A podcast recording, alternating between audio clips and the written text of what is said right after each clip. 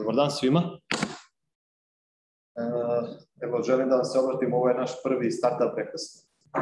Događaj koji ćemo u junu i julu organizovati jednom, a od septembra krećemo u redovnom terminu svakog drugog petka e, u 10 sati ujutru uz doručak ćemo da obrađujemo neke teme koje su zanimljive za sve one koji se bave start-upom ili koji jednostavno teže povećanju produktivnosti u poslu. Ovde će, naši predavači će biti uspešni privrednici, uspešni preduzetnici, vlasnici startup kompanija i drugi profesori. A danas će naše predavanje držati profesor dr. Slavimir Slošić, inače profesor na Akademiji visokih tehničkih studija i on će nešto više govoriti o agilnom razvoju proizvoda. Ja bih sad Slavimiru dao reč. Hvala. Dobro jutro za one koji su ustali kasnije ili dobar dan za one koji su već strčali 10 km, radili sklekove, sve ono što ide, popili kafu, doručak, tako da, dobro došli. Drago da vidimo ovde neke iskusne likove kao što je Marko, Ivana i ostara, ali da vidim mlade ljude, pošto volim da pričam sa vama. Spravio bi Marka, pošto uvek moram da demantujem, pošto imam nezgodno ime i prezime, dakle Slavimir Stošović, ili sam Slavomir Vistošić ili Stanimir, naviku sam na to, ne ljutim se, ali svojim studentima često kažem ko uvode ime i prezime pet pojena na prvom kolokvijumu, dakle odmah za, za prvo pitanje. Tako da da, profesor sam na Akademiji tehničkih uh, uh, studija, strukovnih studija sada, nekada se zvala Visoka tehnička škola.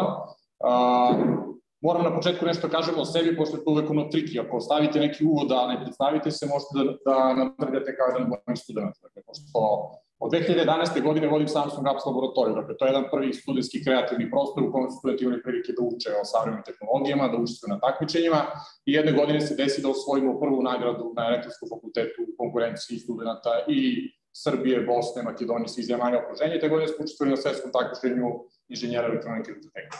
I sada naš sadašnji dekan, da bi ukazao čast studentima, da im priliku da na zadnja tačka naučno stručnog veća predstave projekat koji smo mi zapravo prezentovali na konferenciji. I ja pripremajući studente kažem uđete pa u malo neformalnoj priči prvo napravite neki uvod, a onda u prvom minutu kažete a ja sam Petar Petrović i pričat ću o tome i tome. I momak izađe, trema, prvi put pred profesorima, 45 profesora u sali i tako dalje, i počne da priča nešto i javi se jedan profesor u sali. Pa prvo se predstavlja i seče ga i tu bude kraj svega. Tako da morate da imate jednu varijantu, drugu varijantu, treću, dakle u zavisnosti od toga kako vas predstave, da li mu vodu ime, šta, šta je tema i tome slično. Dakle, prvo nešto samo ukratko o meni za one koji ne znaju, dakle, ovo što imam nezgodno ime i prezime, uh, sam profesor dakle, na Akademiji tehničko vaspitačkih strukovnih studija, uh, osnivač sam uh, i uh, ovaj kompanije IT Centar koji ima dva svoja uh, start-upa trenutno u naučno-tehnološkom parku. Ja bih zamolio Đoleta samo da prebaci na slajd, pošto tu imamo jedan a, nešto da kažemo. Bićemo strpljivi. Dakle, trudimo se, kompanija IT Centar postoji 15 godina, dakle, jedan od suosnivača jeste profesor Dušan Stefanović, trudimo se da budemo drugačiji profesori, odnosno da budemo preduzetnički orijentisani, iako je to često tabu tema, još uvek tabu tema u Srbiji, jer često neki vaši kolege koji mrzi da radi popodne, oni kažu, e, ali oni se bave privatnim biznisom. To nije strašno, dakle, mislimo da je najveći benefit za studente i svega toga, zato što ono što doživimo u realnom svetu, dakle u privredi, trudimo se da naučimo svoje studente kasne predavanjima, dakle zapravo da ih učimo onome, uh, on, onome što, što je živo. Evo mali tehničkih problema, pa samo evo da backstage-a javim da je sve u redu.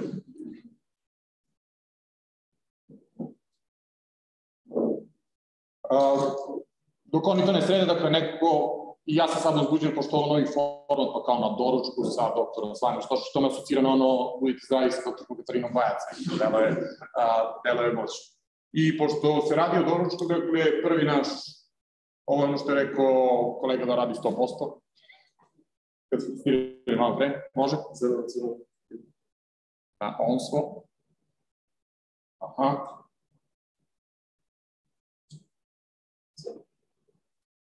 Ok.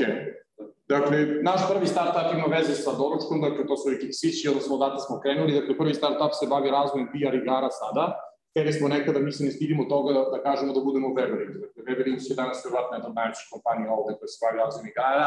Krenuli smo sa razvojem igrice, gde je zapravo cilj bio da ubacite ovaj keksić u, kola, u, u šoljicu sa mlekom. pošto nismo uspeli sa tim proizvodom, dakle, prebacili smo se na VR i počeli da razvijamo igrice za VR, jer smo želi da budemo prvi u VR svetu. Dakle, i danas Delo Neskreno nema stvari koje ne umno da napravimo u VR-u. Ono što je drugi biznis problem jeste što je još uvek skupa oprema, pa nema toliko velikih igrača i nema velike matematike i velikih brojeva i tome slično. Drugi naš startup koji je trenutno ovdje u IT centru koji je dobio podršku Fonda za inovacijne delatnosti zove Kanandi.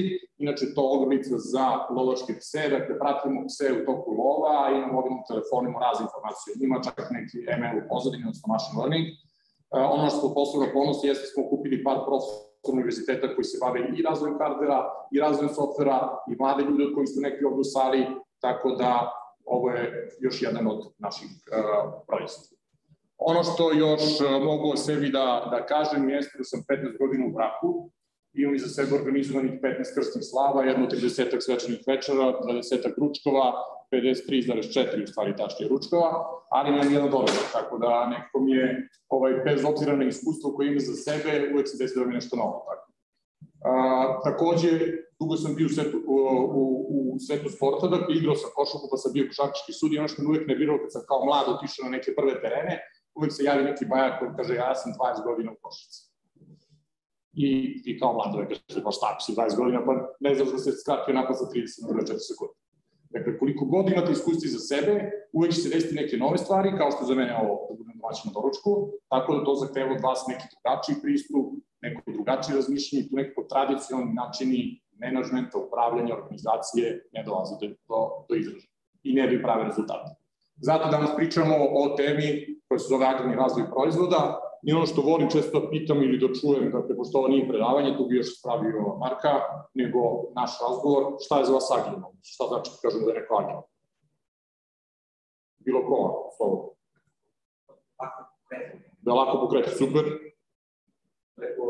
Da je kooperativan, super, da je fleksibilan brzo prilagodljiv tržištu ili bilo čemu, ne mora da je agilan samo tržište, je tako, super, svi odgovori su tačni, dakle, kad kažemo da je neko agilan, znači da se brzo prilagođava. To je u vezi sa mojom omiljenom definicijom inteligencije, gde kaže da je uh, pojam inteligencije jeste brzo prilagođavanje promenjenim uslovima života. Srbi to vole da kažu namazanje, preživao u svakom ulju i tome slično, ali ja zaista mislim da onaj ko se brzo prilagodi promenjenim uslovima života, da je taj agilno sposoban da preživi, da je borba za, za ostav. Zašto je to važno?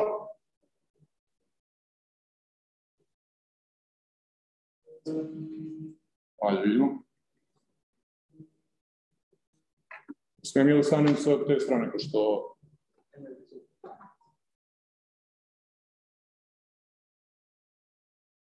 Uh, pa malo lepo otkrili smisla za sebe.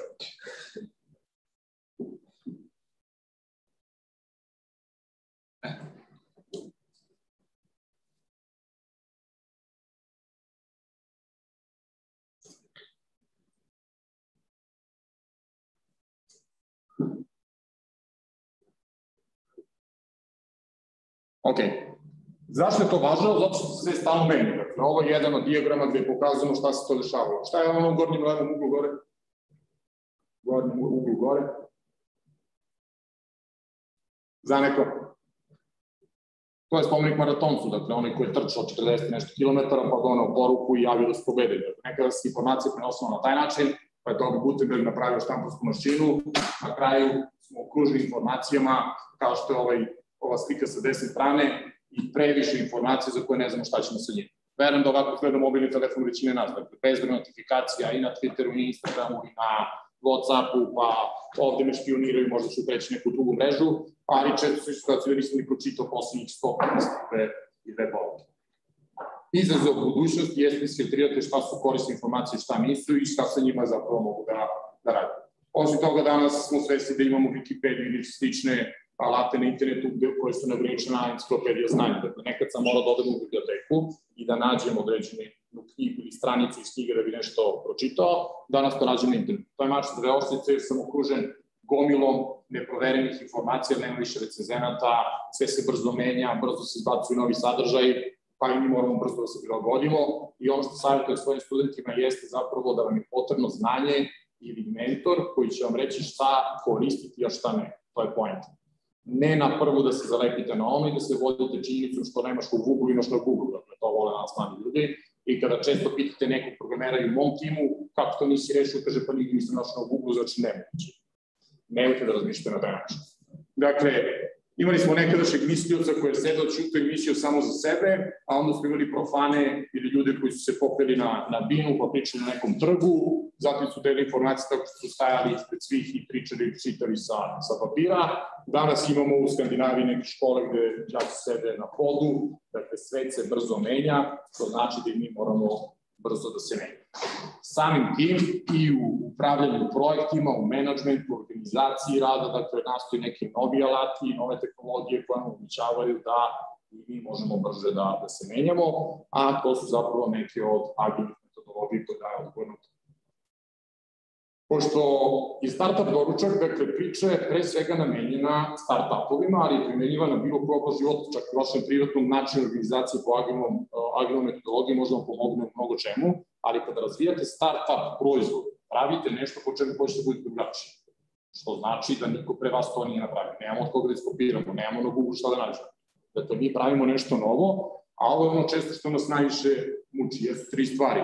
Dakle, nije važno ciljati u metu, nego je važno metati u cilj, dakle, to kažu babe.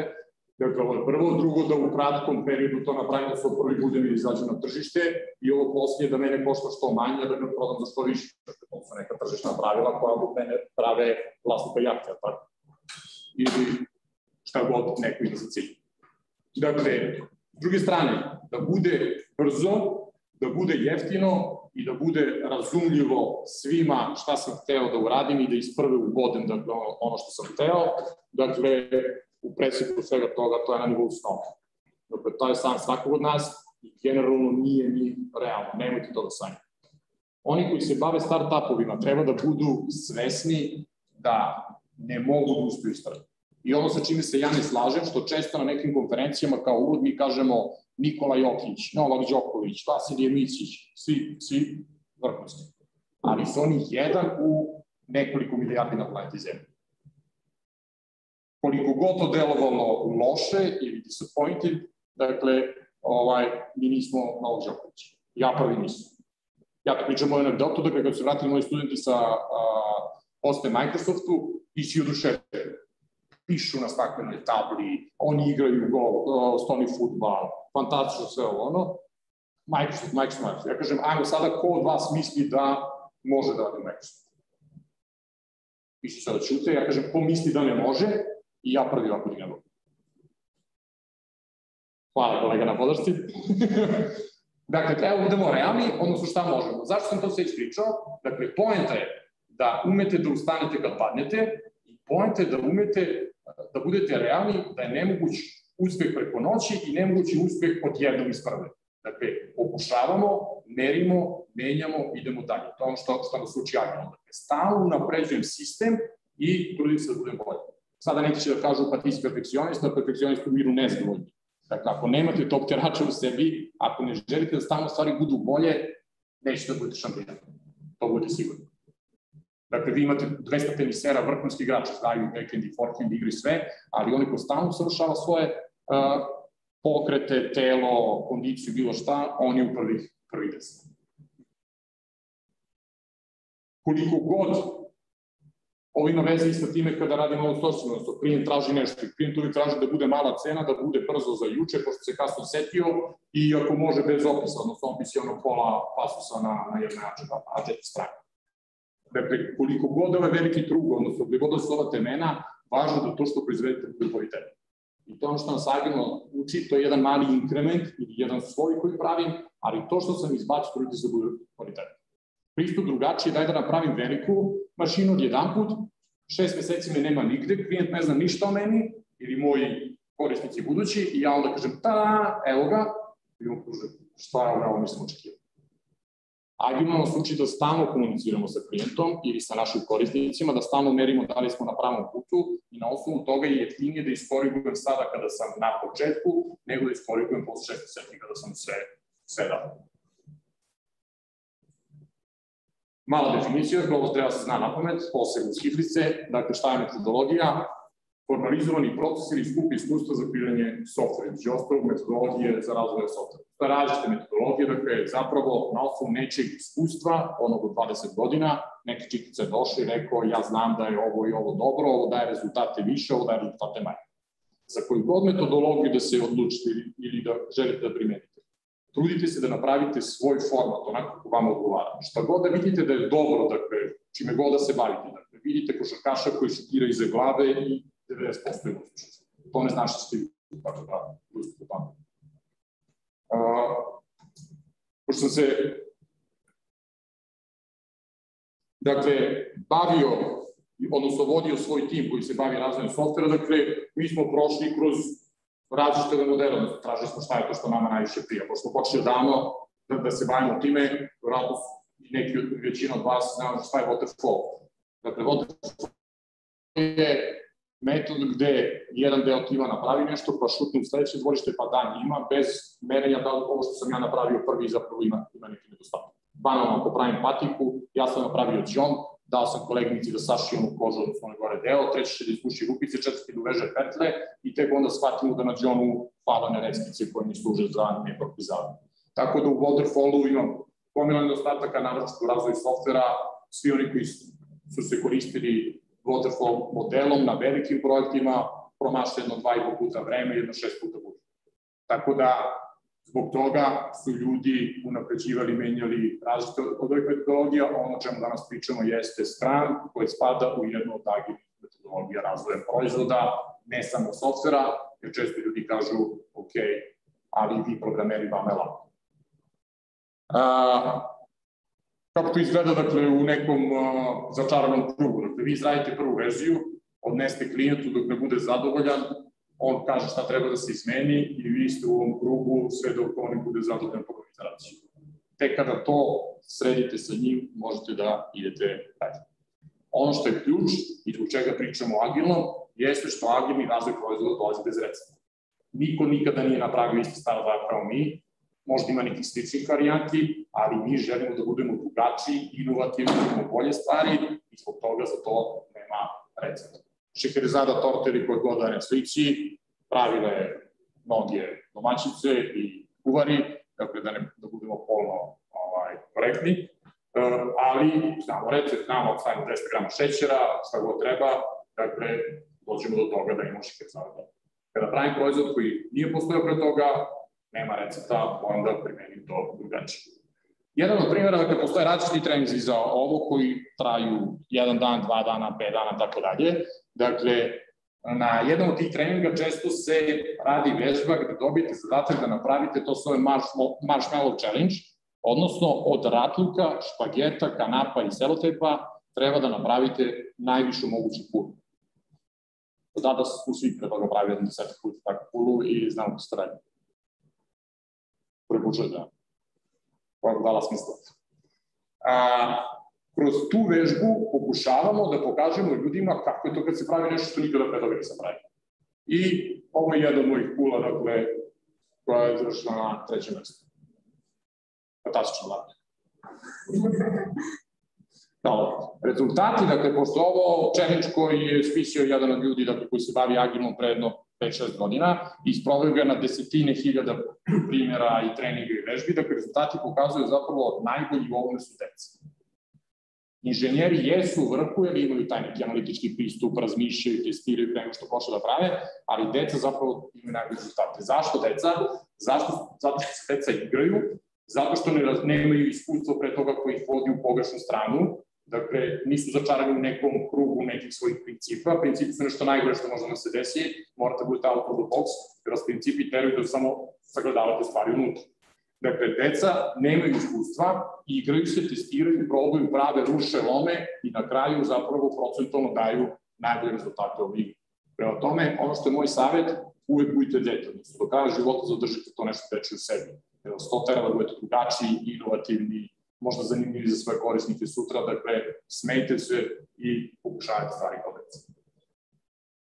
Početak agilnog razvoja, dakle, čisto malo istorije, što je nezaobilazna tema, čisto znamo ko, ko su glavne baje, dakle, konkretno, svi u svetu znaju za Jeffa Sutherlanda i Kena Schwabera, kao ljude koji su definisali Scrum kao formalni proces. Međutim, prvi ljudi koji su zapravo opisali tu stvar jesu Japanci. Dakle, Japanci su se trudili da tamo negde 70. i 80 godina kada je došlo do krize u njihovoj automobilskoj industriji, nisu mogli da prodaju u konkurenciji možda nemačkih automobila, nekih drugih, želi su da nešto promene u proizvodnji ili načinu sklapanja samog automobila, po čemu mogu da budu brže na tržištu, sa customizovanim modelima, vi izaberete crvene, crvene retrovizore, oni vam za vas crvene retrovizore, ali standardnim načinima organizacije to nije bilo moguće. I onda su oni još 86. godine objavili jedan rad koji su nazvali The New New Product Development Game. Dakle, namerno su stavili dve reči new da bi objasnili to nešto potpuno novo. Niko za to nije ni znao do dakle, 93. godine, kada je Jeff Sutherland prešao jednu novu kompaniju koja se bavila izradom onih automata za podizanje novca. Dakle, prešao je u banku koja je imala zadatak da postavi prve automate dakle, po Americi. Projekat je već budžet probijen tri puta, vremenski okvir je do dva i po puta i on je dobio zadatak da da vrati projekat u život i da napravi to, to što se traži kao rezultat. Dakle, prvo što je uradio, daje zadatak svojim ljudima da istražuju, čitaju i da traže neki novi način organizacije. Dakle, nije želo da nastavi da radi na način koji je pokazao da, da nema rezultata u određenim rokovima i oni su nišli na ovaj rad i pročitali dakle, šta o njemu piše. Već kad sam objasnio samo šta, šta to famozno piše o njemu, dakle, 93. je on prvi put implementirao takav način organizacije, 95. je Ken Schwaber to opisao nekim dokumentom dakle, neke formalizovao te stvari. 2001. su se sastali, dakle, njih nekolicina i opisali manifest. Kad pričamo o manifestu, to je neko više vezano za kulturu, za umetnost. I oni su želeli na taj način nazivu dokumenta da je to neki manifest, žele pišu da to nisu procedure o radu, pravilnici, stroge, stroge neke, stroga neka dokumentacija, već su kroz manifest da pišu neka načela i pravila kojih se oni drže. Dakle, Agni manifest 2001. i do 2003. drže treninge i tereniče su i komercijalizovali tu priču. Šta pišu u ovom radu, odnosno po čemu su oni drugačiji? Dakle, oni su opisali novi način organizacije, odnosno nekako ga izjednačili sa ragbijem. Dakle, waterfall je kao štafetna trka. Dakle, ja pretrčim svojih 100 metara, pa dam paricu i ne interesujem dalje. Pijem vodu, krenu sam na tuširanje, ovaj se možda drugih 100 metara zapletavlja, ne mogu ni da pomognem o, i čekam samo da im šta će, šta će on da Za razliku od pristupa, dakle, raznih proizvoda kao štafetnim trkama, dakle, koji su suprotnosti sa željama da budem maksimalno fleksibilan, da budem brz a, na, na tržištu, oni su predložili holistički ragbi pristup. Za one koji se ne bave sportom, ragbi i američki futbol su različite stvari američki futbol, oni imamo dobro kacigu, na ramenici damo mnogo jako i pravila su drugačije. Dakle, pravila su u tome da u, da u američkom futbolu možete da bacite pas napred, u ragbiju ne možete da bacite rukom pas napred, nego možete ga bacite ili nazad, ili paralelno igraču u liniji sa vama. Zašto je to važno? Pa to je važno upravo s ovim, da ceo tim mora da napreduje jedno. Dakle, tim mora da vas podržava sve vreme. Dakle, ljudi morate imati makar jednog levo i jednog desna kome ćete dodati loptu. U suprotnom, nemate, ne možete da napredujete. E, zbog toga su oni rekli da je mnogo bolje da se organizujemo kao u rugby timu i da tim ide napred-nazad u skladu sa dešavanjima na terenu. Ono što sam rekao, dakle, manifest je vezan za kulturu, umetnost, obrazovanje, a u manifestu pišu neka ovde vrednosti i načela. E, ono što savjetujem, dakle, ovde sam za mene slajdove, ali ono što savjetujem svakako, a mislim da mladi ljudi s nema, nema problema, jeste poznavanje engleskog jezika. Ja sam generacija gde tome možda nije pridavano mnogo važnost, učili smo u osnovnoj srednjoj školi, a vi danas imate prilike da putem interneta, YouTube-a, bilo čega već komunicirate engleskom, to je veoma značajno, jer sva značajna literatura je zapravo na engleskom jeziku. Šta su hteli da kažu? Dakle, individualnost ili pojedinci i veze između njih su važni od procesa i alata. To je prvo pravilo dakle, koje su opisane. Dakle, važno je kakve ljudi imate u timu i kako oni između sebe sarađuju i komuniciraju. To je mnogo važno nego da napišete plan serijsku proceduru u kojoj piše da on mora da dođe u 8.15, da mora da škira tako i tako, da mora da diplojuje u 9.27 i tome slično. Working software, dakle, uh, software ili proizvod koji radi posao ili koji je to što je neko želeo da dobije je mnogo važniji od razumljive dokumentacije Ili, suprotno od toga, napišemo super dokumentaciju, potrošimo dva meseca da opišemo detalje. Često kažemo klijentu dokumentaciju ti nikakva. Istina negde između. Treba da postoje dokumentacija i treba da se opišu stvari, ali mi izgubimo energiju i fokus na pisanju dokumentacije za projekat koji treba da razvijamo tre godine. I onda nam posle tri meseca klijent kaže da, ali jer bi moglo ovo drugačije, kaže, pošto to nisi rekao pre tri meseca, sad smo stavili dokumentaciju i nema toga. Klijent to ne želi da plati. Koliko god za nas to delovalo stresno, dakle, vi morate da usluškujete njegove želje, šta on želi i prirodno da želi da promeni. Ono što, kako ja pokušavam u mom timu da objasnim, kada odete kod krojača, zamislite da imate svoje venčanje i odete kod krojača koji šio delovi ili venčanicu. Siguran sam da na prvoj probi niste izdiktirali sve što treba krojača da zazvore već kad odete drugi put ili treći put ili usput vidite u nekom časopisu da možda ima na reveru izvezeno crveno, crveno uh, ikonac, vi kažete da bi mogo da mi dodaš i ovo. Koreačka se osjeća isto kao i nikad komentarište kao pa što to nije rekao na početku. Trudite se da razumete da ljudi vremeno menjaju svoje potrebe, da rade metriku, da možda ono što su mislili da njihovi klijenti žele, oni više ne žele, pa samim tim menja i svoje zahteve i zato se kaže software koji radi je mnogo važniji od razumije dokumentacije i customer collaboration, odnosno saradnja sa klijentom je od ključnog značaja i mnogo je važnije od ugovora i ove što sam napisali tamo. To znači da ga redovno izveštavate i pitate a šta misli o ome što ste do sada uradili. I na kraju, odgovor na promene je mnogo važniji od praćenja plana. U tradicionalnim project management metodologijama, kao što je PMP, na primer, vi imate plan, pa imate deadline-ove, pa imate milestone-ove, pa imate sve to za godinu dana rada. I već na prvom milestone-u ste probili jedan dan, na drugom ste probili 5 dana, na ste probili 17 dana i na kraju ste sve, sve veći i većem bunaru, ali ne znate šta da radite jer menadžer rekao da se prati plan. Za razliku od toga, dakle, odgovor na promenu. Desi se novi zahtev, definišem novu malu deonicu koju ću da radim, a ne, ne razmišljamo globalno ono što me čeka za godinu i po dana još uvijek.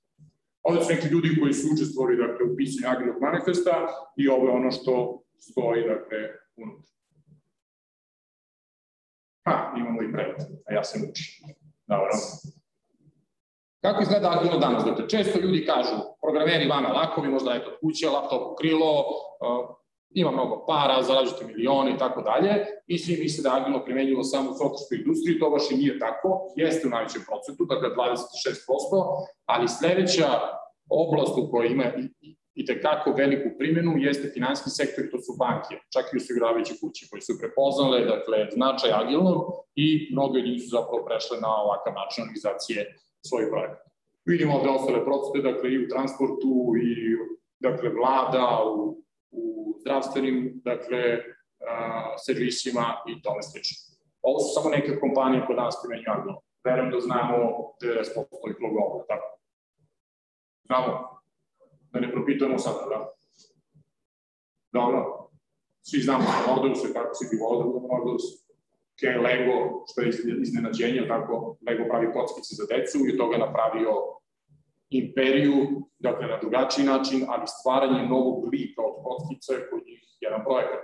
Dakle, neko treba da ga smisli, pa treba da uradi animaciju, pa iz animacije treba pretvoriti to u kockice ili u blokove, pa treba da smisli način kako će zapravo da se one slože, dakle, postoji tu, pa da napiše dokumentaciju, postoji čitav niz koraka kako doći dakle, do dobre Lego igrače.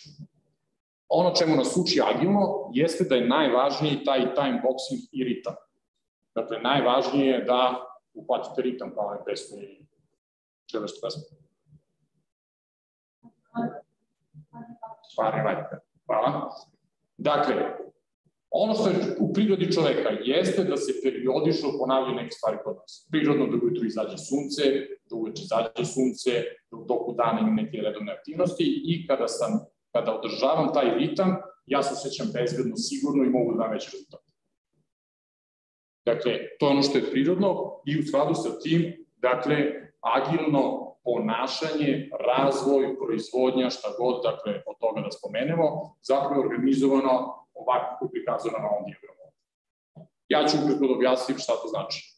Product vision je zapravo ideja, to je ono kad mi su pali lampice i ja sam rešio da pravim nešto novo. Tu moram samo kažem jednu stvar, za one koji imaju svoje start-upove ili žele da prave nešto. Koliko god mislite da vam je van serijska ideja, na prvo googlanje će su postavili jedno 10 kineza radi to isto To ne treba da vas obeshrabri da kažete ja neću ovo više da radim, jer inovacija podrazumeva da imate crvenu mašnicu koju žele svi klijenti i ovi svi ostali nemaju crvenu mašnicu i vi znači da držite crvenu mašnicu i svi pređu da kupuju vaš proizvod. Dakle, morate po nečemu da budete drugačiji, različiti, što znači da kada imate ideju, hvala Bogu, googlanje i otražite, vidite šta radi drugi, radite analizu tržišta.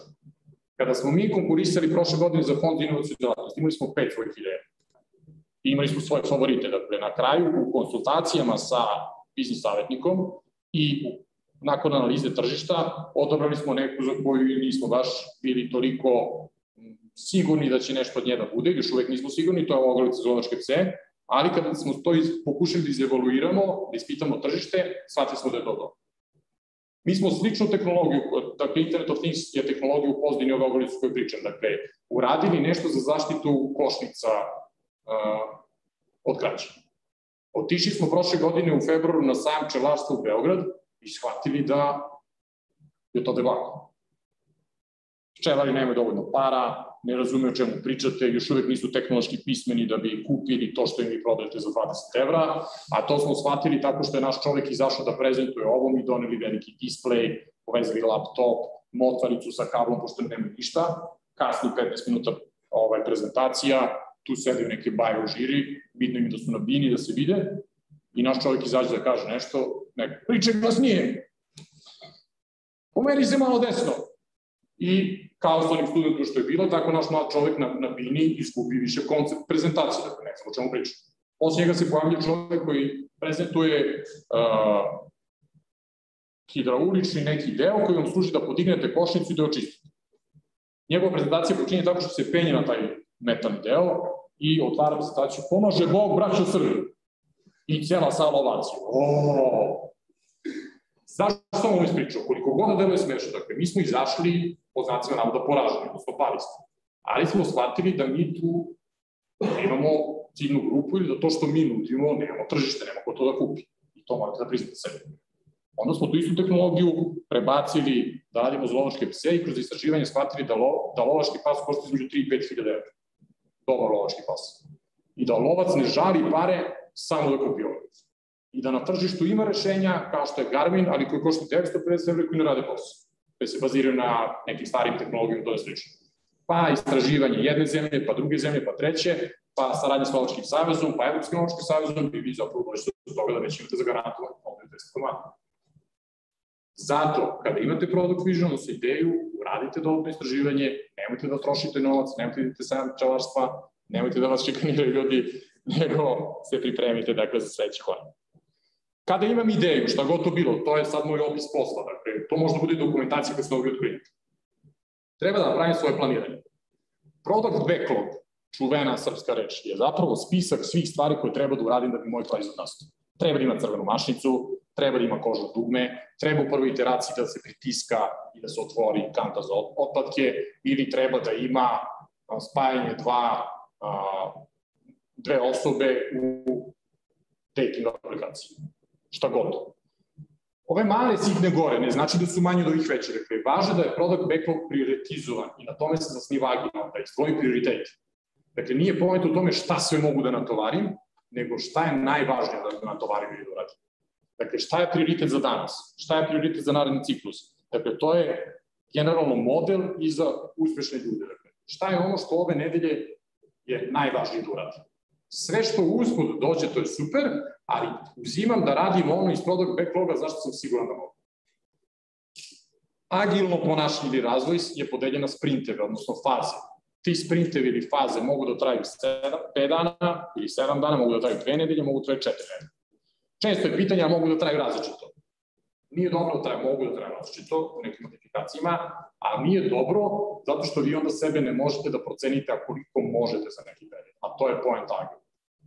Dakle, ako ja svakog dana trčim 400 metara i uvežbavam sebe da ih istrčim što brže, dakle, neću da dođem do tog zaključka šta je moja forma ako jednom trčim 300, jednom 500, jednom 700. Dakle, ja uzmem 7 dana ili 14 dana što mi prija ili što mislim da opisuje jedan skop, jednu karticu, jedan ovaj deo iz product backloga i bavim se time, i uzmem tri kartice. Kada kreće sprint na početku nedelje ili ček mnogi timovi, na primjer u našem timu sprint počinje utorak, ponekad su ljudi ono, sređuju, završavaju nešto što nije ostalo možda iz prethodnog sprinta iz prethodne nedelje, počinje nova nedelja i onda oni kao mi ćemo da krenu. Ok. Utorak ujutru je sastanak na kom iz ovog velikog product backloga koji mu upravlja product owner, to je jedan od jedna od uloga u Agilom, dakle kaže u dogovoru sa timom šta možemo ove nedelje. Ali od vrha na dole, dakle ne može da se nešto dozdo. Zato što je product owner vlasnik product backloga, on upravlja njime i on kaže meni je najvažnije da se pravi ovo. Ja sam pričao sa klijentom ili sam istraživao tržište i naši korisnici prvo sledeće nedelje žele dobiju zelen dug. I zato kažite mi, jel može zelen dugme da bude gotovo do koje Dakle, tim koji se bavi razvojem pomaže u sprint planningu i prevlači iz product backloga, pravi taj sprint backlog, taj skraćeni spisak onoga što ćemo da radimo u narodnom sprintu i narodnom ciklusu. 7 dana, 14, mesec dana koliko god da traje. Ovde piše da sprint traje 30 dana kako god, postoji daily scrum ili dnevni sastanak na kome se mi sastanemo ujutru, odnosno tim koji radi, ima neke problema, čemu služi tako dalje. Šta možemo ovde, da li ima nekih modifikacija, da li usput možda produkt owner zahtevao da nešto bude ranije ili kasnije, možda je zvao nekog više nije važno, dakle, to je ono agilno gde se svako jutro adaptiram i prilagođavam na promene ili se samo updateujem sa informacijama jednim drugima kako, kako ide. Kada se završi sprint, veoma je važan sprint review i sprint retrospektiva. Sprint review, dakle, tim izbacuje novo nešto i to novo nešto je paketić ovde, koji se zove inkrement ili novi dodatak ili stoje vaše proizvode. Mnogo je važno da rezultat sprinta bude nešto novo i da to novo što izbacite da to radi. Kako to radi? Dakle, većina programera kada počne da razvija softver za nekoga, krene od toga što napravi prvo login. Prvo će napravim bazu, pa usere, pa role i onda uzmem da se on loguje. I to mi treba, treba jedno mesec dana dok napravim R model, dok skvartujem bazu, dok napravim login i izađe pred klijem i kažem haha, login, on kaže ovo je kao login za login. Login u prioritetima po meni nije najbolje. Dakle, to je nešto gde možete da stavite masku, da mu stavite username password, šta god da ukuca i klikne na OK da ga pustite na sledeći ekran. On žarko želi da vidite sledeći To je onaj možda MVP, minimum valuable product, golden feature, šta god, znači on želi da vidi to dalje lako ćete da zaključate software i da mu napravite login. Tako da razmišljate o tome šta je najvažniji da on vidi, čime ćete zapravo da dobijete povratnu informaciju ili stavska reč feedback da ste na dobrom putu. Paketić, na kraju svakoga date mu novi sloj. Ako pravite tortu, date mu koricu, pa mu date da proba. I on kaže, pa kora možda da pali malo šećera, pa vi date malo šećera, po naravnom smitu mu date stađu koru i prvu, prvu liniju šlaga pa mu date da proba, on kaže, ok, idemo dalje, pa vi date sledeći sloj, sledeći sloj, sledeći sloj. Ono što je mnogo važno u Agilom, a zašto treba posebna vežba pre svega tima, jeste retrospektiva. Zašto retrospektiva? Jer je to ključ da budemo bolji. Tu mi učimo, tu mi sednemo kao tim i kažemo to i to smo uradili brže nego što smo mislili, što znači da smo pocenili svoje veštine ili je klijent ovo izbacio, znači moramo da izvučemo zaključak zašto je tako. Ovde smo zakasili, nismo uradili kako treba, zbog čega je to tako. Dakle, iz tih zaključaka mi u narodnom sprintu bivamo bolji. Ljudi koji, su, koji nisu spremni da se suoče sa time šta rade dobro, a šta ne, koji nemaju taj samokritički stav, ne mogu da rade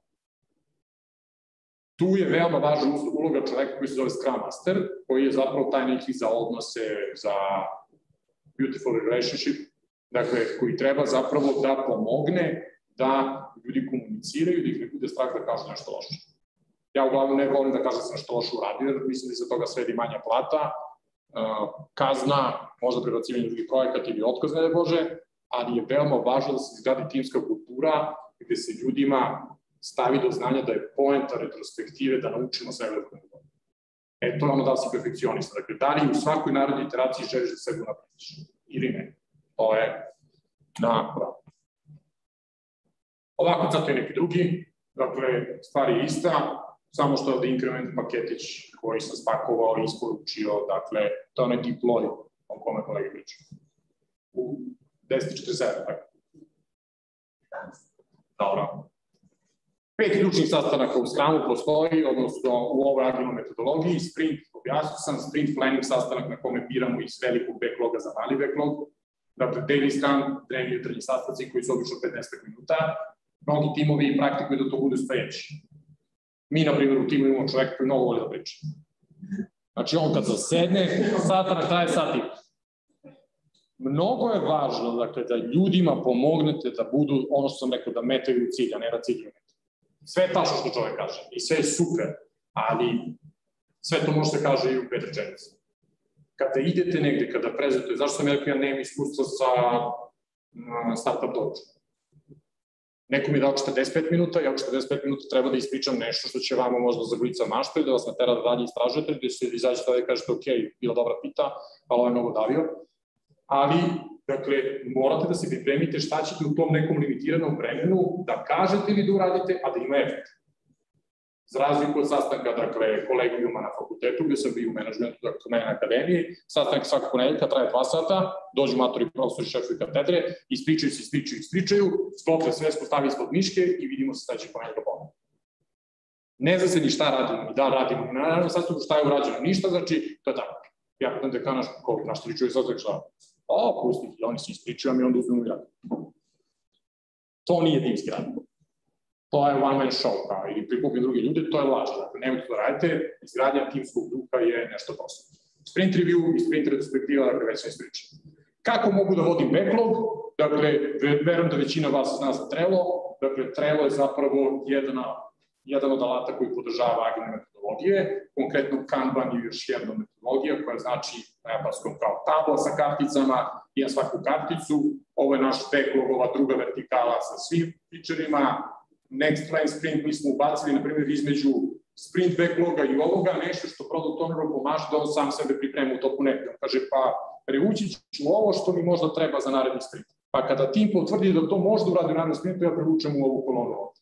In progress je ono što trenutno danas rade, onda ide na testing, pa je tamo na dan i posle toga ide na deploy, dakle, i na taj način pre, prevlačim fičere, taskove, zadatke, kako god, da bi imao evidenciju dobro sam stigao. Ovako izgleda tabla u jednoj od ozbiljnih kompanija, dakle ovo je Pixar Studio, na primjer, tabla. Oni imaju špartanu belu tablu, dakle, ovim bojama, imaju one stike papiriće koje pišu flomasterom, lepe i stavljaju ovde. Zašto su to uradili kad ih pitate? Zato što je tabla mesto koje stoji u hodniku i onda ljudi dođu i sretnu se. Jer oni insistiraju na timskom duhu. Dakle, na taj način ljudi se sretnu da bi prebacili papirić ili nešto, pa uzbud, uzbud razmeni neku korisnu informaciju. Dakle, oni su dodatno agresivni. Scrum uloge, dakle zašto Scrum, to samo ovaj, možda dugujemo ako bude pitanje. Scrum je ova formacija u kojoj se ovi rugby igrači uhvate na početku nekog udarca da bi zaštitili loptu, odnosno sakrivili loptu, ali se drže da bi delovali što, da bi bili što čvršći, pa onda lopta izađe negde s polja, pa je baci i tako zapravo kreće svaki napad u, u rugby. Tri važne uloge, product owner, onaj ko upravlja proizvodom, on je taj koji ima viziju, koji ima i tehničke kapacitete, ali ima i pregovaračke. Ukoliko radite za klijenta, onda je to osoba koja zapravo pregovara sa klijentom, koji mu objašnjava zašto misli da je nešto dobro, koji mu daje predlog neku novu feature nečeg moderno. Znači da bi on trebalo da zna koje su popularne aplikacije u toj oblasti. Trebalo bi da zna šta je modern UI, UX, dakle, trebalo bi da ima širu ekspertizu da bi to radio i postoji posebna sertifikacija, odnosno obuka za product Scrum Master koji pruža podršku timu, stara se o procesima, o sve funkcioniše kako treba tečno, da li ljudima nešto fali, bez obzira da li to tastatura, vrući čaj, da li je način komunikacije adekvatan, dakle on je neki facilitator, odnosno čovek, uproforac koji treba da drži da stvari balansiraju oko ravnotežno stanje. I development team je najvažniji zapravo u Scrumu, to su ljudi koji su eksperti i često kažemo da to cross-funkcionalni ekspert, ekspertski tim. Znači, ljudi različitih ekspertiza. To je kao one britanske jedinice burke. Jedan je snajperista, drugi za prvi pomoć, treći brzo pretrčava brisani prostor i tako dalje. Znači oni imaju različite ekspertize, ali zajedno kao tim završavaju za koliko kojih treba da, da ima u jednom timu, jedan product owner, jedan Scrum Master i 5 do 9 članova, sve preko toga je glomazno i trebalo da se podeli u više tima. Ono što je suština agilnog pristupa razvoju proizvodu jeste da prvo napravite plan. Ovaj uh, ovde ciklus koji je prikazan u četiri faze, zapravo Demingov ciklus koji je nastao mnogo pre uh, agilnih metodologija slično, ali su agilne metodologije preuzele sve dobre stvari u vidu rekodisti kišobran. Dakle, planiraj šta misliš da uradiš, dakle, napravi plan, to je onaj product backlog. Radi ono što si isplanirao, dakle, sprint backlog i sam sprint proveri da li to što si uradio ono što si želao. Testiraj, odnosno taj klijentu da proba. A na osnovu toga delaj, odnosno promeni način na koji radiš stvari. Ako si dobio negativan feedback, ako nešto nije dobro, pa u narednom sprintu pokušaj da se adaptiraš i da to uradiš na drugačiji način. Na ovim principima rade mnoge, uh, mnogi danas roboti koji kao imaju veštačku inteligenciju. Neki uzmu pa ih nauče mnogo čemu, odnosno na osnovu prethodnih iskustva kako se pravi veštačka inteligencija, kao i prirodna inteligencija, odnosno humana. Dakle, na osnovu iskustva vi donesete odluku neku novu. S druge strane, postoje mnogi roboti koje vi pustite u prostor i on počne da udara u jedan zid, u drugi zid, u treći zid i počinje da skuplja iskustvo u tom prostoru i na kraju se smiri i počne da hoda tačno gde treba bez jednog udarca. Dakle, to je to. Radi, proveri, pa izmeni. I ponavljaju u pravilnim ciklusima i tako ćeš kontinuirano da budeš sve bolji i bolji. Ovo što sam ispričao za ovog malog robota, dakle, potraži odgovore oko sebe, dakle, kompleksni adaptivni sistemi zapravo prate nekoliko jednostavnih pravila, uči iz okoline. Učite, osluškujte i tako dalje metrika je mnogo važna. Dakle, problem budućnosti jeste ko će da tumači podatke. Mi skupljamo podatke o svemu i svačemu, odnosno Google skuplja nama i svi drugi veliki vodeći igrači, svi pričaju o machine learningu, ali je malo onih koji ume sa tim podacima da uradi pravo stvari. Ti ljudi će sutra biti najpoželjniji, dakle oni koji umeju da ismere i da donesu šta je sledeći korak, dakle da nauče iz svega toga.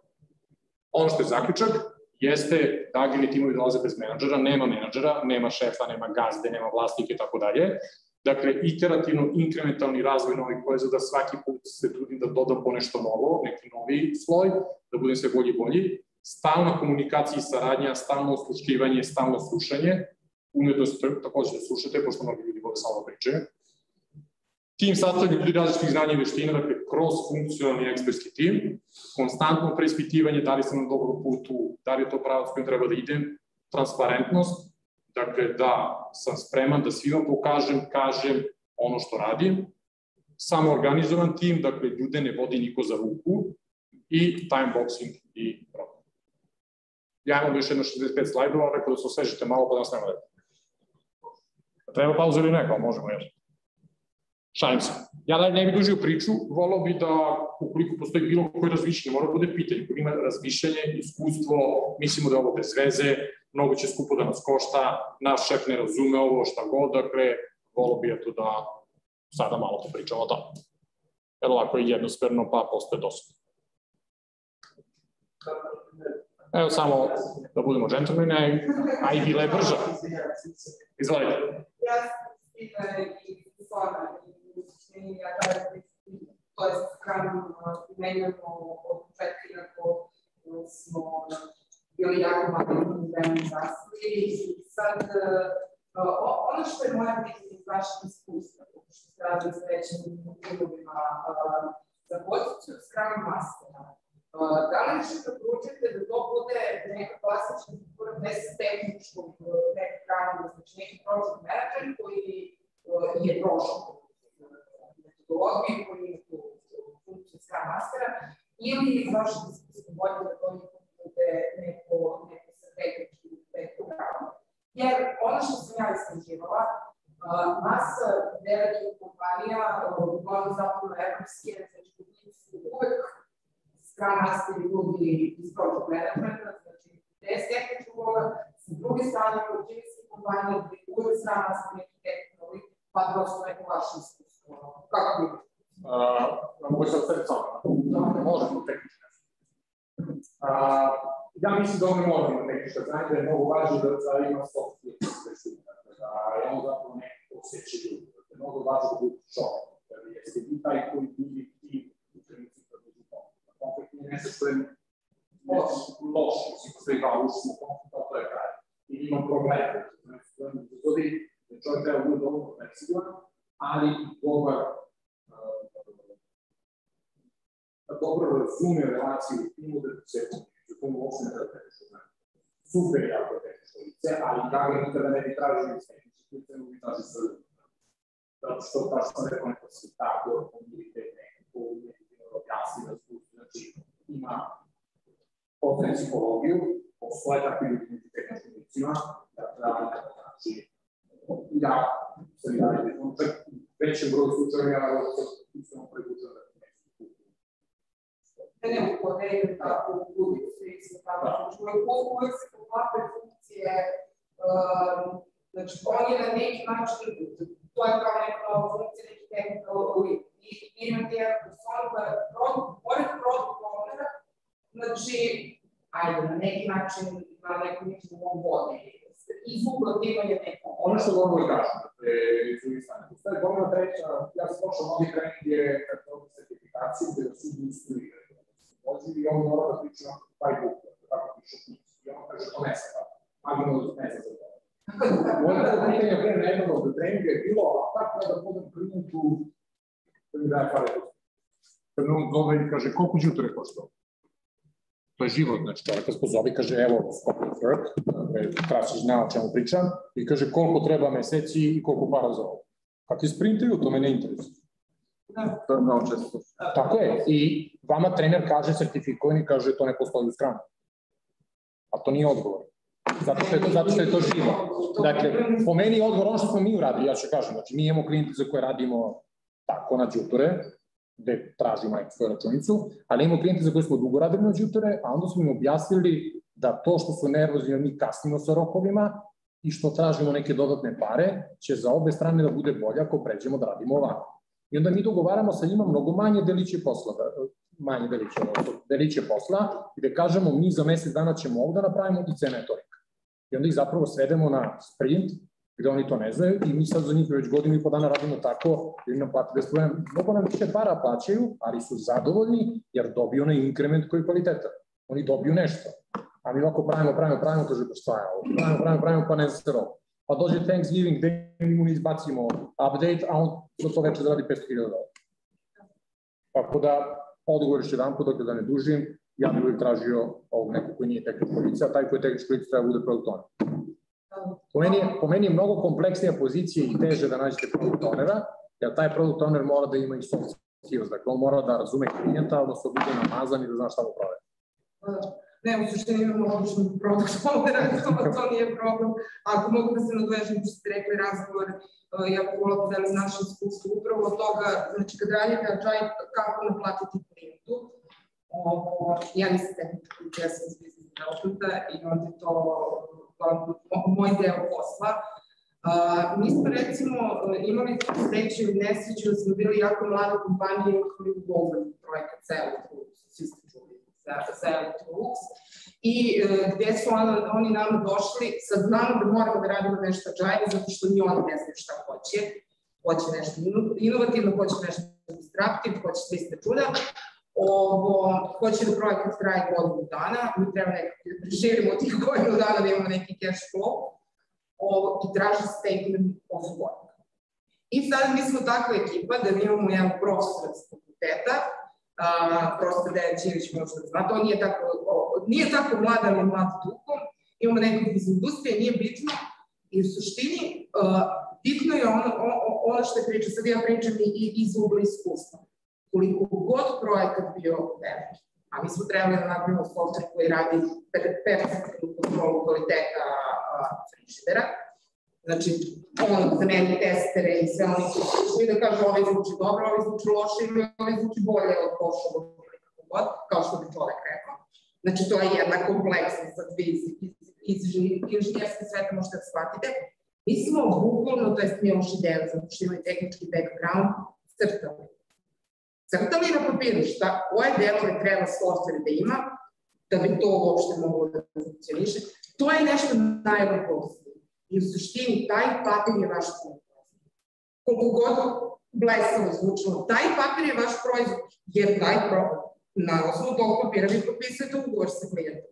Na osnovu toga smo mi napravili uh, statement of work koji je uh, ceo projekat podelio na pet, čini se, smislenih, smislenih uh, celina, ovo, napravi se Gantt chart, opet po agile pristupu, jer uvek hoćete od toga.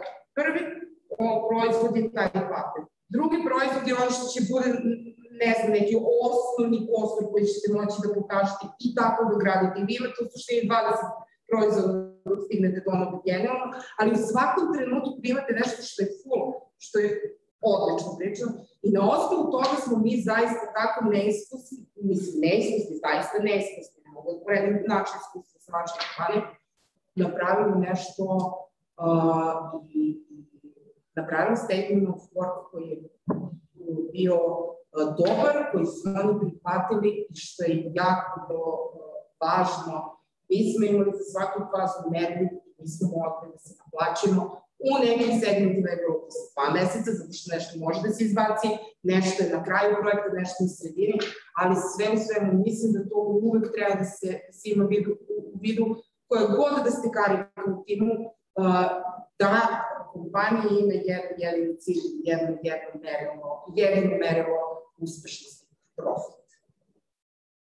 Znači, nema čistina koda, nema znači da tako, to je neko moje iskustvo koje, koje sam htela da, da, da podelim i opet kažem, mi smo u tom trenutku taj projekat je rađen sa svima nama, znači nas bilo uh, Ako mogu samo tu da dodam za produkt owner, je mnogo važno da bude edukator, ja to tako zovem, zato što vi često do, dođe klijent nervozni uh, project menadžeri kažu pa on ne zna šta hoće. Taj koji zna šta hoće, on ne angažuje nas, ne da nam pare. Dakle, nego ga pravi verovatno sam ili neko svom timu.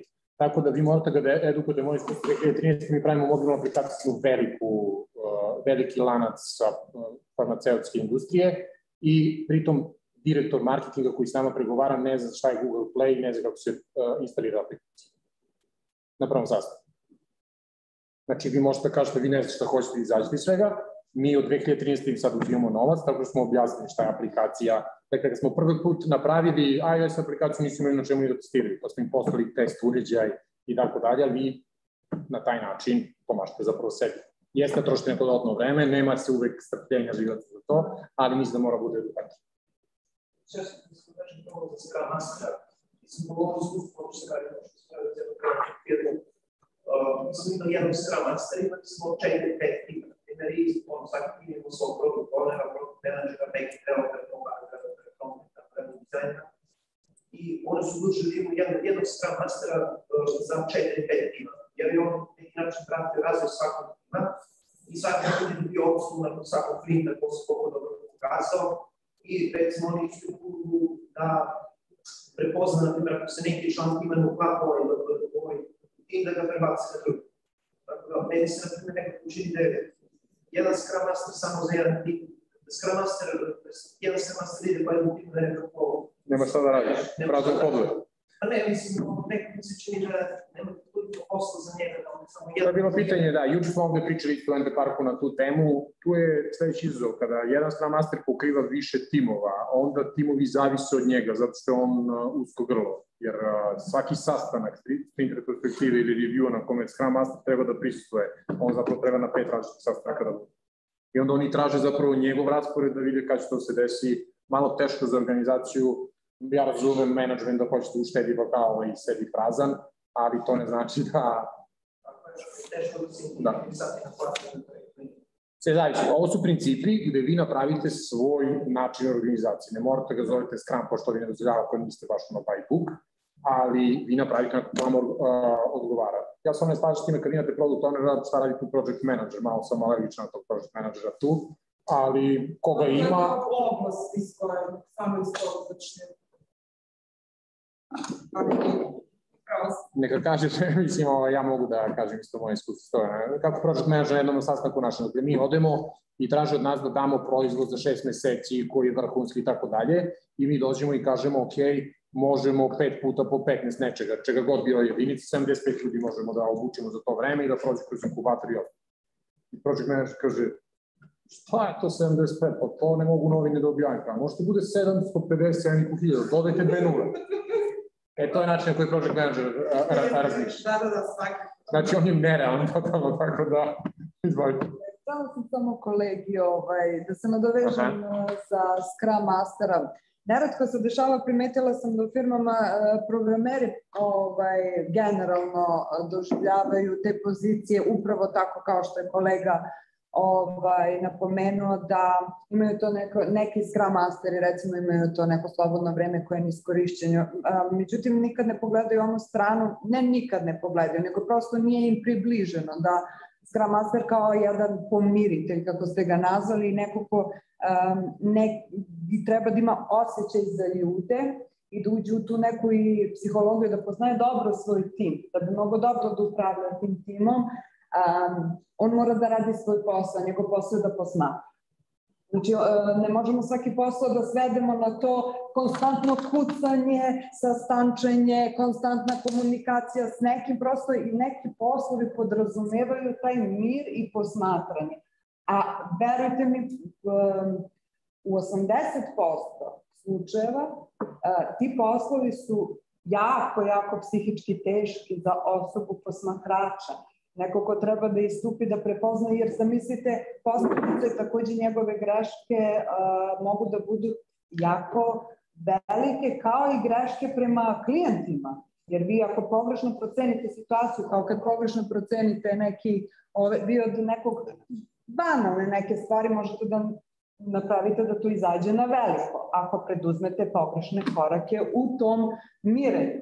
Znači, jako je kompleksna stvar u pitanju i e, hoću da kažem da to nije samo taj prazan hodi, nego čak i neki, ovaj, da, menadžeri, direktori, da, hoće da iskoriste da bi radne za više timova, ali to je, ja mislim da je to tri koraka unazad, jer to je baš opterećući onda spram master gubi uh, primarnu svoju funkciju, onda je već svašta nešto. Onda ga ljudi poistoveću sa kontrolorom, da, da. kontroliše pet timova, da. on zapravo treba da bude infiltriran, treba da bude deo tima. I sad kad sam ja samo tvoj i igram kod tebe, a kad igram za tri tima futbol, ponedjeljkom za sve, za drugi petkom za treće, ti kao fuzonu ovaj je lepteći. Oni su da su četiri tima, kod nas je to savršeno funkcionisalo, samo je imao, samo imamo kao posluženje. Imao sad sa strane neko cima da nešto drugo radi, da mu se ne bi mogli samo fokusirati na, na te timove i pravi reorganizaciju dosta često je člana sve je, sve je legitimno i agilno, probali ste radi posao, nema razloga da me ne da. Tako da. Zato samo kažemo iskustvo kako da.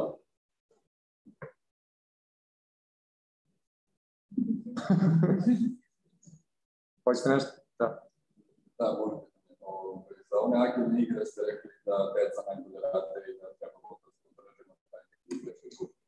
kada pristupamo problemima. A ovo je nešto što mi mi pada na pamet jeste da pogrešna direkcija je nešto što lepi mozak za pogrešno rešenje i prvo teško možemo da se odvojimo od toga da krenemo jer postoje neke tehnike ili postoje neke bilo koje metode koje možemo da koristimo kako resetovali mozak i krenuli da počnemo da razmišljamo i da se odvojimo od pogrešnih ideja. Nešto što Pa ja ću, ja, ja sam 2000, 2008. sam došao u kompaniju iz koje je Ivan Krasić tada odlazio, ovaj, nisu važna imena, i jedan od testova, pamtim dan danas, je bilo 3 puta 3 tačkice i oko, oko toga kvadrat. Ivan je bio kod tebe na testovi.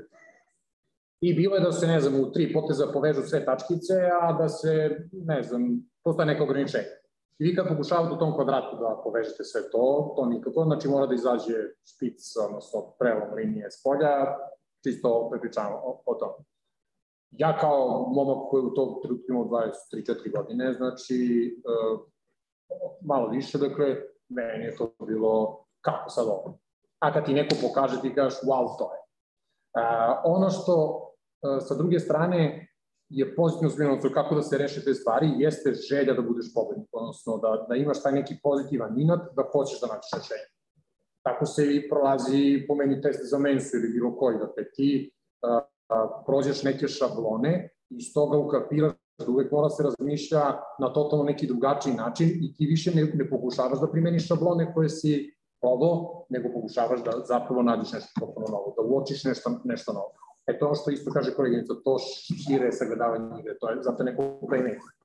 Dakle, zato što on vidi i nešto više, odnosno prvo moraš sam sebe da nateraš, da ne primenjuješ ništa od onoga što si pokušavao, nego da da tražiš nešto novo. To je jedini način, znači ne, ne postoji recept. Može, Bojan. Najveći problem je učenje nego je unlearning, ne znam kako da odučavanje da srećno. I to se da li postoji neki model, reći ću postoji koji je primitivno učava koji je govorio da sve ono što je njegovim studijom koje je radio i sa njegovim izučavanjem koje je radio, sad kad je došao do nekog podatka koji se potpuno posle sa njegovim prethodnim učenjem i njegovim vreme, u obvezi je bio da u roku 30 minuta zapiše sve stavke koje se, koje se nisu slavile sa onim njegovim prethodnim učenjem. slučaju, u slučaju da ih nema više, njegov mozak će ih odbaciti kao neutvrđenje. Oni su jednostavno zapisujte. Ok, vidiš da je nešto potpuno drugačije od onog što je tvoja percepcija, model je zapiši ga, vrati se nekada sa možda drugačijim pogledom na sve to. To je vezano baš za priču koju nam je Adovan. Da iskoristim trenutak terminologije strana, koristiš komentariše se da je sam strana da je onaj koji rešava stvari, on je mnogo više od toga. On nije ni facilitator celokupnih procesa. Taj proces je kompleksan i ne može samo da se podvaja od tih pravnih pojedinih sektorima, zato je priča o strama, strana mastera jako kompleksna, jako zahtevna. Da, postoje silne metodi, da li treba da bude tehničko lice ili treba da bude neko lice koje je biznis sveta, najbitnije ono što je Slavko rekao, to je da je to verovatno dobro soci skillove i u suštini mora da oseti sam tim, same ljude, sam proces da poželjno tehničko lice, poželjno da bude sve u jednom, to je uvek poželjno. Ovo je super ako možete da rađete tako. I super ako taj uvek sam sebe da radi način da dođe do toga. I ono što je takođe bitno vezano za celokupan taj proces je da je praksa se pokazalo da ima se silne metode, da će sam master da bude u okviru jednog tima, u okviru da obslužuje tri tima, da će to biti pet tima, da će to biti lice koje se je u okviru development dela, pa i oni između ostalog i Scrum Master lepota, aktivno do toga što svakog vremena prilagodi na onaj način kako njemu daje najbolje rezultate.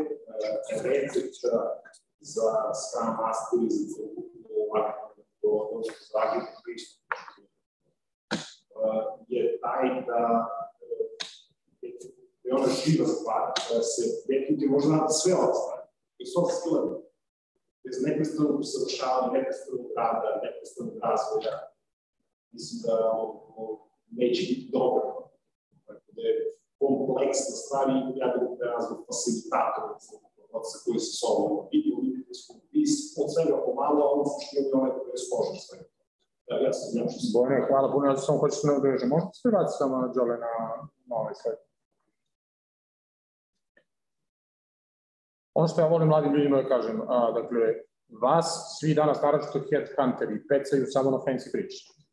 Život nije reklama i nije bajka, iako mnogi danas to tako predstavljaju, naravno u IT.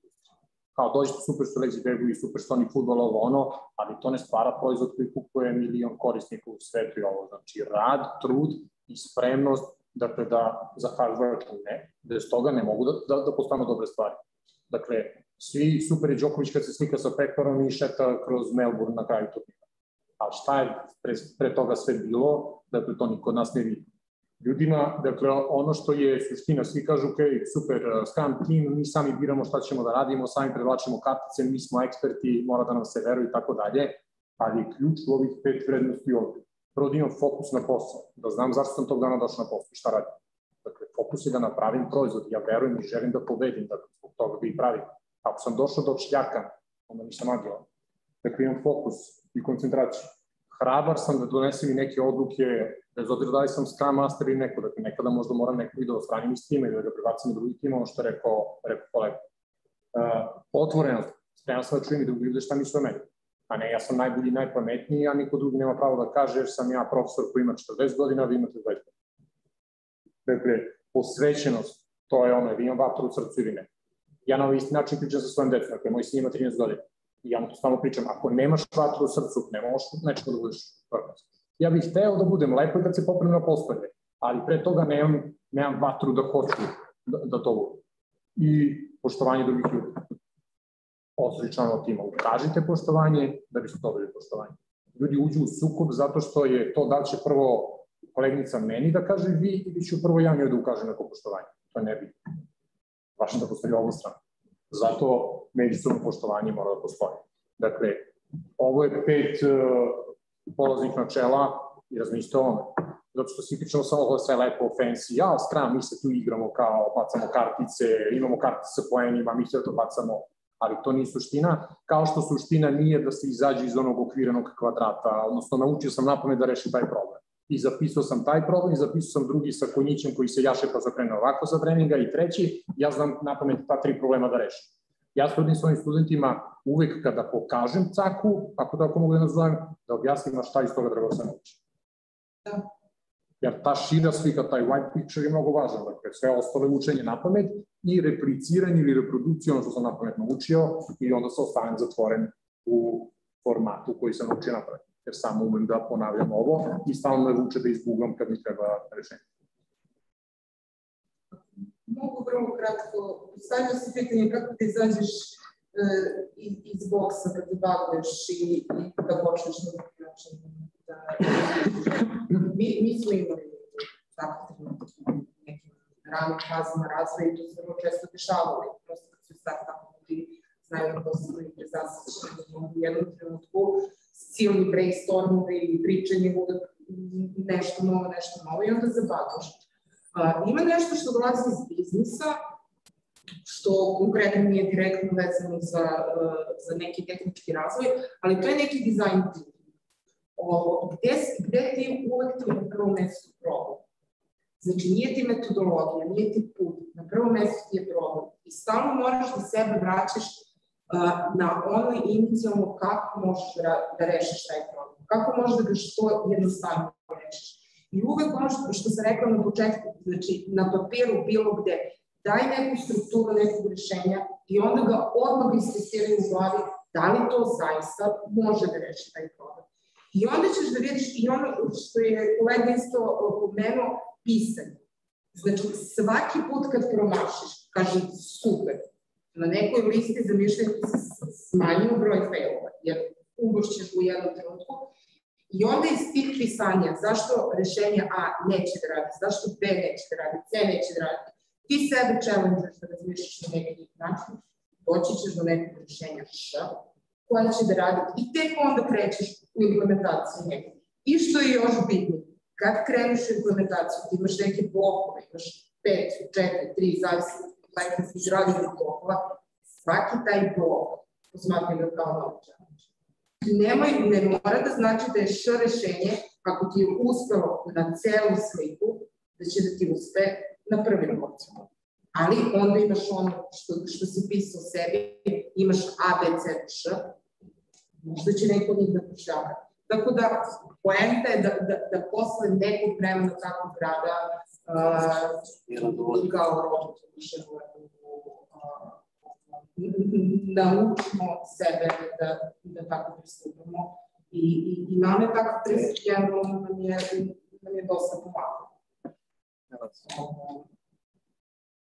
I, I u krajnju mislim da to vođenje mislim tih failova da, da, je, da je vrlo bitno i da ima, treba čovjek da ima tu, tu dokumentaciju jer on sluči za neke, neke buduće projekte jer ne, ne postoje neuspesi ne postoje, ne, ne postoji uzalud izgubljeno vreme. Znači, to što nešto niste naplatili ili nekako, nekako obavezivali danas znači da neće ne podsjećati da bude za, za.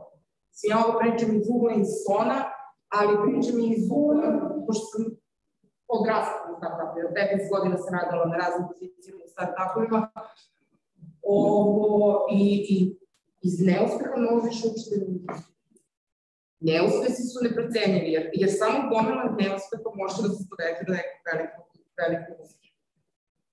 Da, samo, samo pišite to. Jer kolega bi malo lepo rekao, znači ono, ono što se ne stavi na papir, ono što se stavi neki folder, negde da ga imaš, znači to se izgubi koliko god bilo jedno. To me podsjetilo na muć. Gomila nekako, da dovedu do velikog uspeha. Originalno. E, ali pazi, to, to je super primer. Ti do, i do tog velikog uspeha možeš da dođeš sutra. On je našao onu puticu.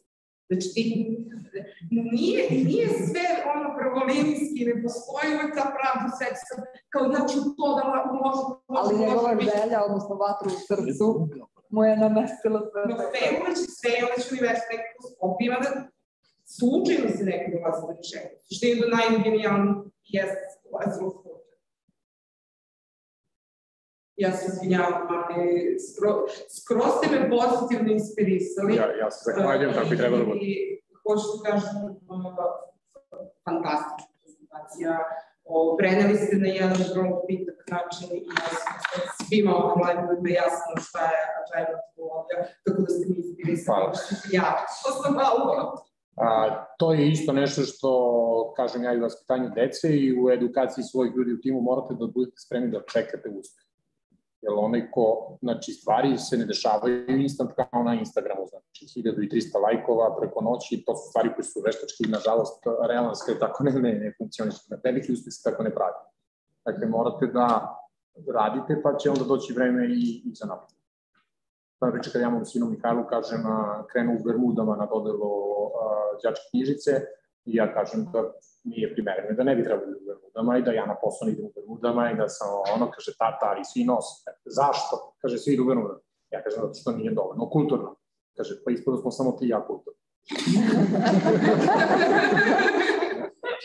E sada, neko bi tu stao, odnosno ispada da je dete matiralo, s druge strane, ja pokušavam, i nastavak je da sam mu ja objasnio da to što možda trenutno okruženje ili društvo ne primećuje da je on dovoljno kulturan, mislim, to sad možda nije priča vezano direktno za posao, ali će doći vreme gde će neko to prepoznati i on će zbog toga da bude ovde, a ovi ostali koji su prosečni, da ne kažem nekulturni, će biti neopismeni. Ali uh, to jeste i, i, i u poslu tako. Ja, ja, ja se sećam kad smo mi, ja kažem, ja sam radio u start-upima koji su imali genijalne tehnologije, ali 90% njih nije uspelo zato što nisu imali dobru organizaciju, zato što nisu slušali feedback ko, koji uvek stiže uh, sa tržišta. Evo, i onda kad smo krenuli u Insong, to što vi pričate, uh, ja, sam, ja sam rekla, ja hoću da imam od samog starta sve proces. Ne, neka budu nikakvi, neka budu smešni, neka budu sastanci od, od pet minuta, ali hoću da imam, ne znam, i u, HR-u i u ovom i u ovom. Znači, uglavnom, sve tehnički ljudi, od prilike, stvarno prilično. Kad im pomeneš strateško planiranje ili bilo šta, oh, kao gubimo vreme, ja sam do sad mogu da radim ovo, bla, bla, bla. I onda to je ono što sam ja pričala, jednog trenutka će to neko da. Gde god smo se prijavili, da li je bio, mi smo grant inovacijalnog fonda dobili dva meseca nakon, nakon osnivanja. Uh, da li je bio veliki klijent kao Electrolux, da li trenutno pregovaramo sa Stellantisom. Znači, oni su bili fascinirani organizacijom. Oni su bili fascinirani tulovima i to je ono što, i imajte u vidu, oni uvek ne razgovaraju samo sa vama, razgovaraju sa još pet. Ali to je ono inicijalno što je nas u njihovim očima diglo u startup su, znači inovativni, kreativni, fleksibilni, imaju organizaciju. To je nešto što, što vas uvek izdvaja, tako da su to vaše duge pantalone. Jer recimo u Nemačkoj, a ne znam, voda da studira, ja sam malo ovde, malo sam u Lukinu, da recimo ode na ispit u Minhenu u kratkim Bermudama, ima i takvi, ali taj profesor nemački će to da gleda na jedan način, a kad dođe sa dužim pantalonama, kao što vi kažete za ime, dobit će tih inicijalnih pet pojena na početku. Tako da, u suštini, mm, jel, primenim na posao. Tu je dodatno, ja studentima često kažem, kad se pojavi u Bermudama, ja onda pitam kako biste reagovali kad bi ja, na primjer, ovde sad u amfiteatar ušao i tipu, kratkim sam bermudama i papučama i to je obično osnek na licu kad vi pitate to mladog studenta i ja kažem pa isto takav je moj osjećaj kad vidim vas.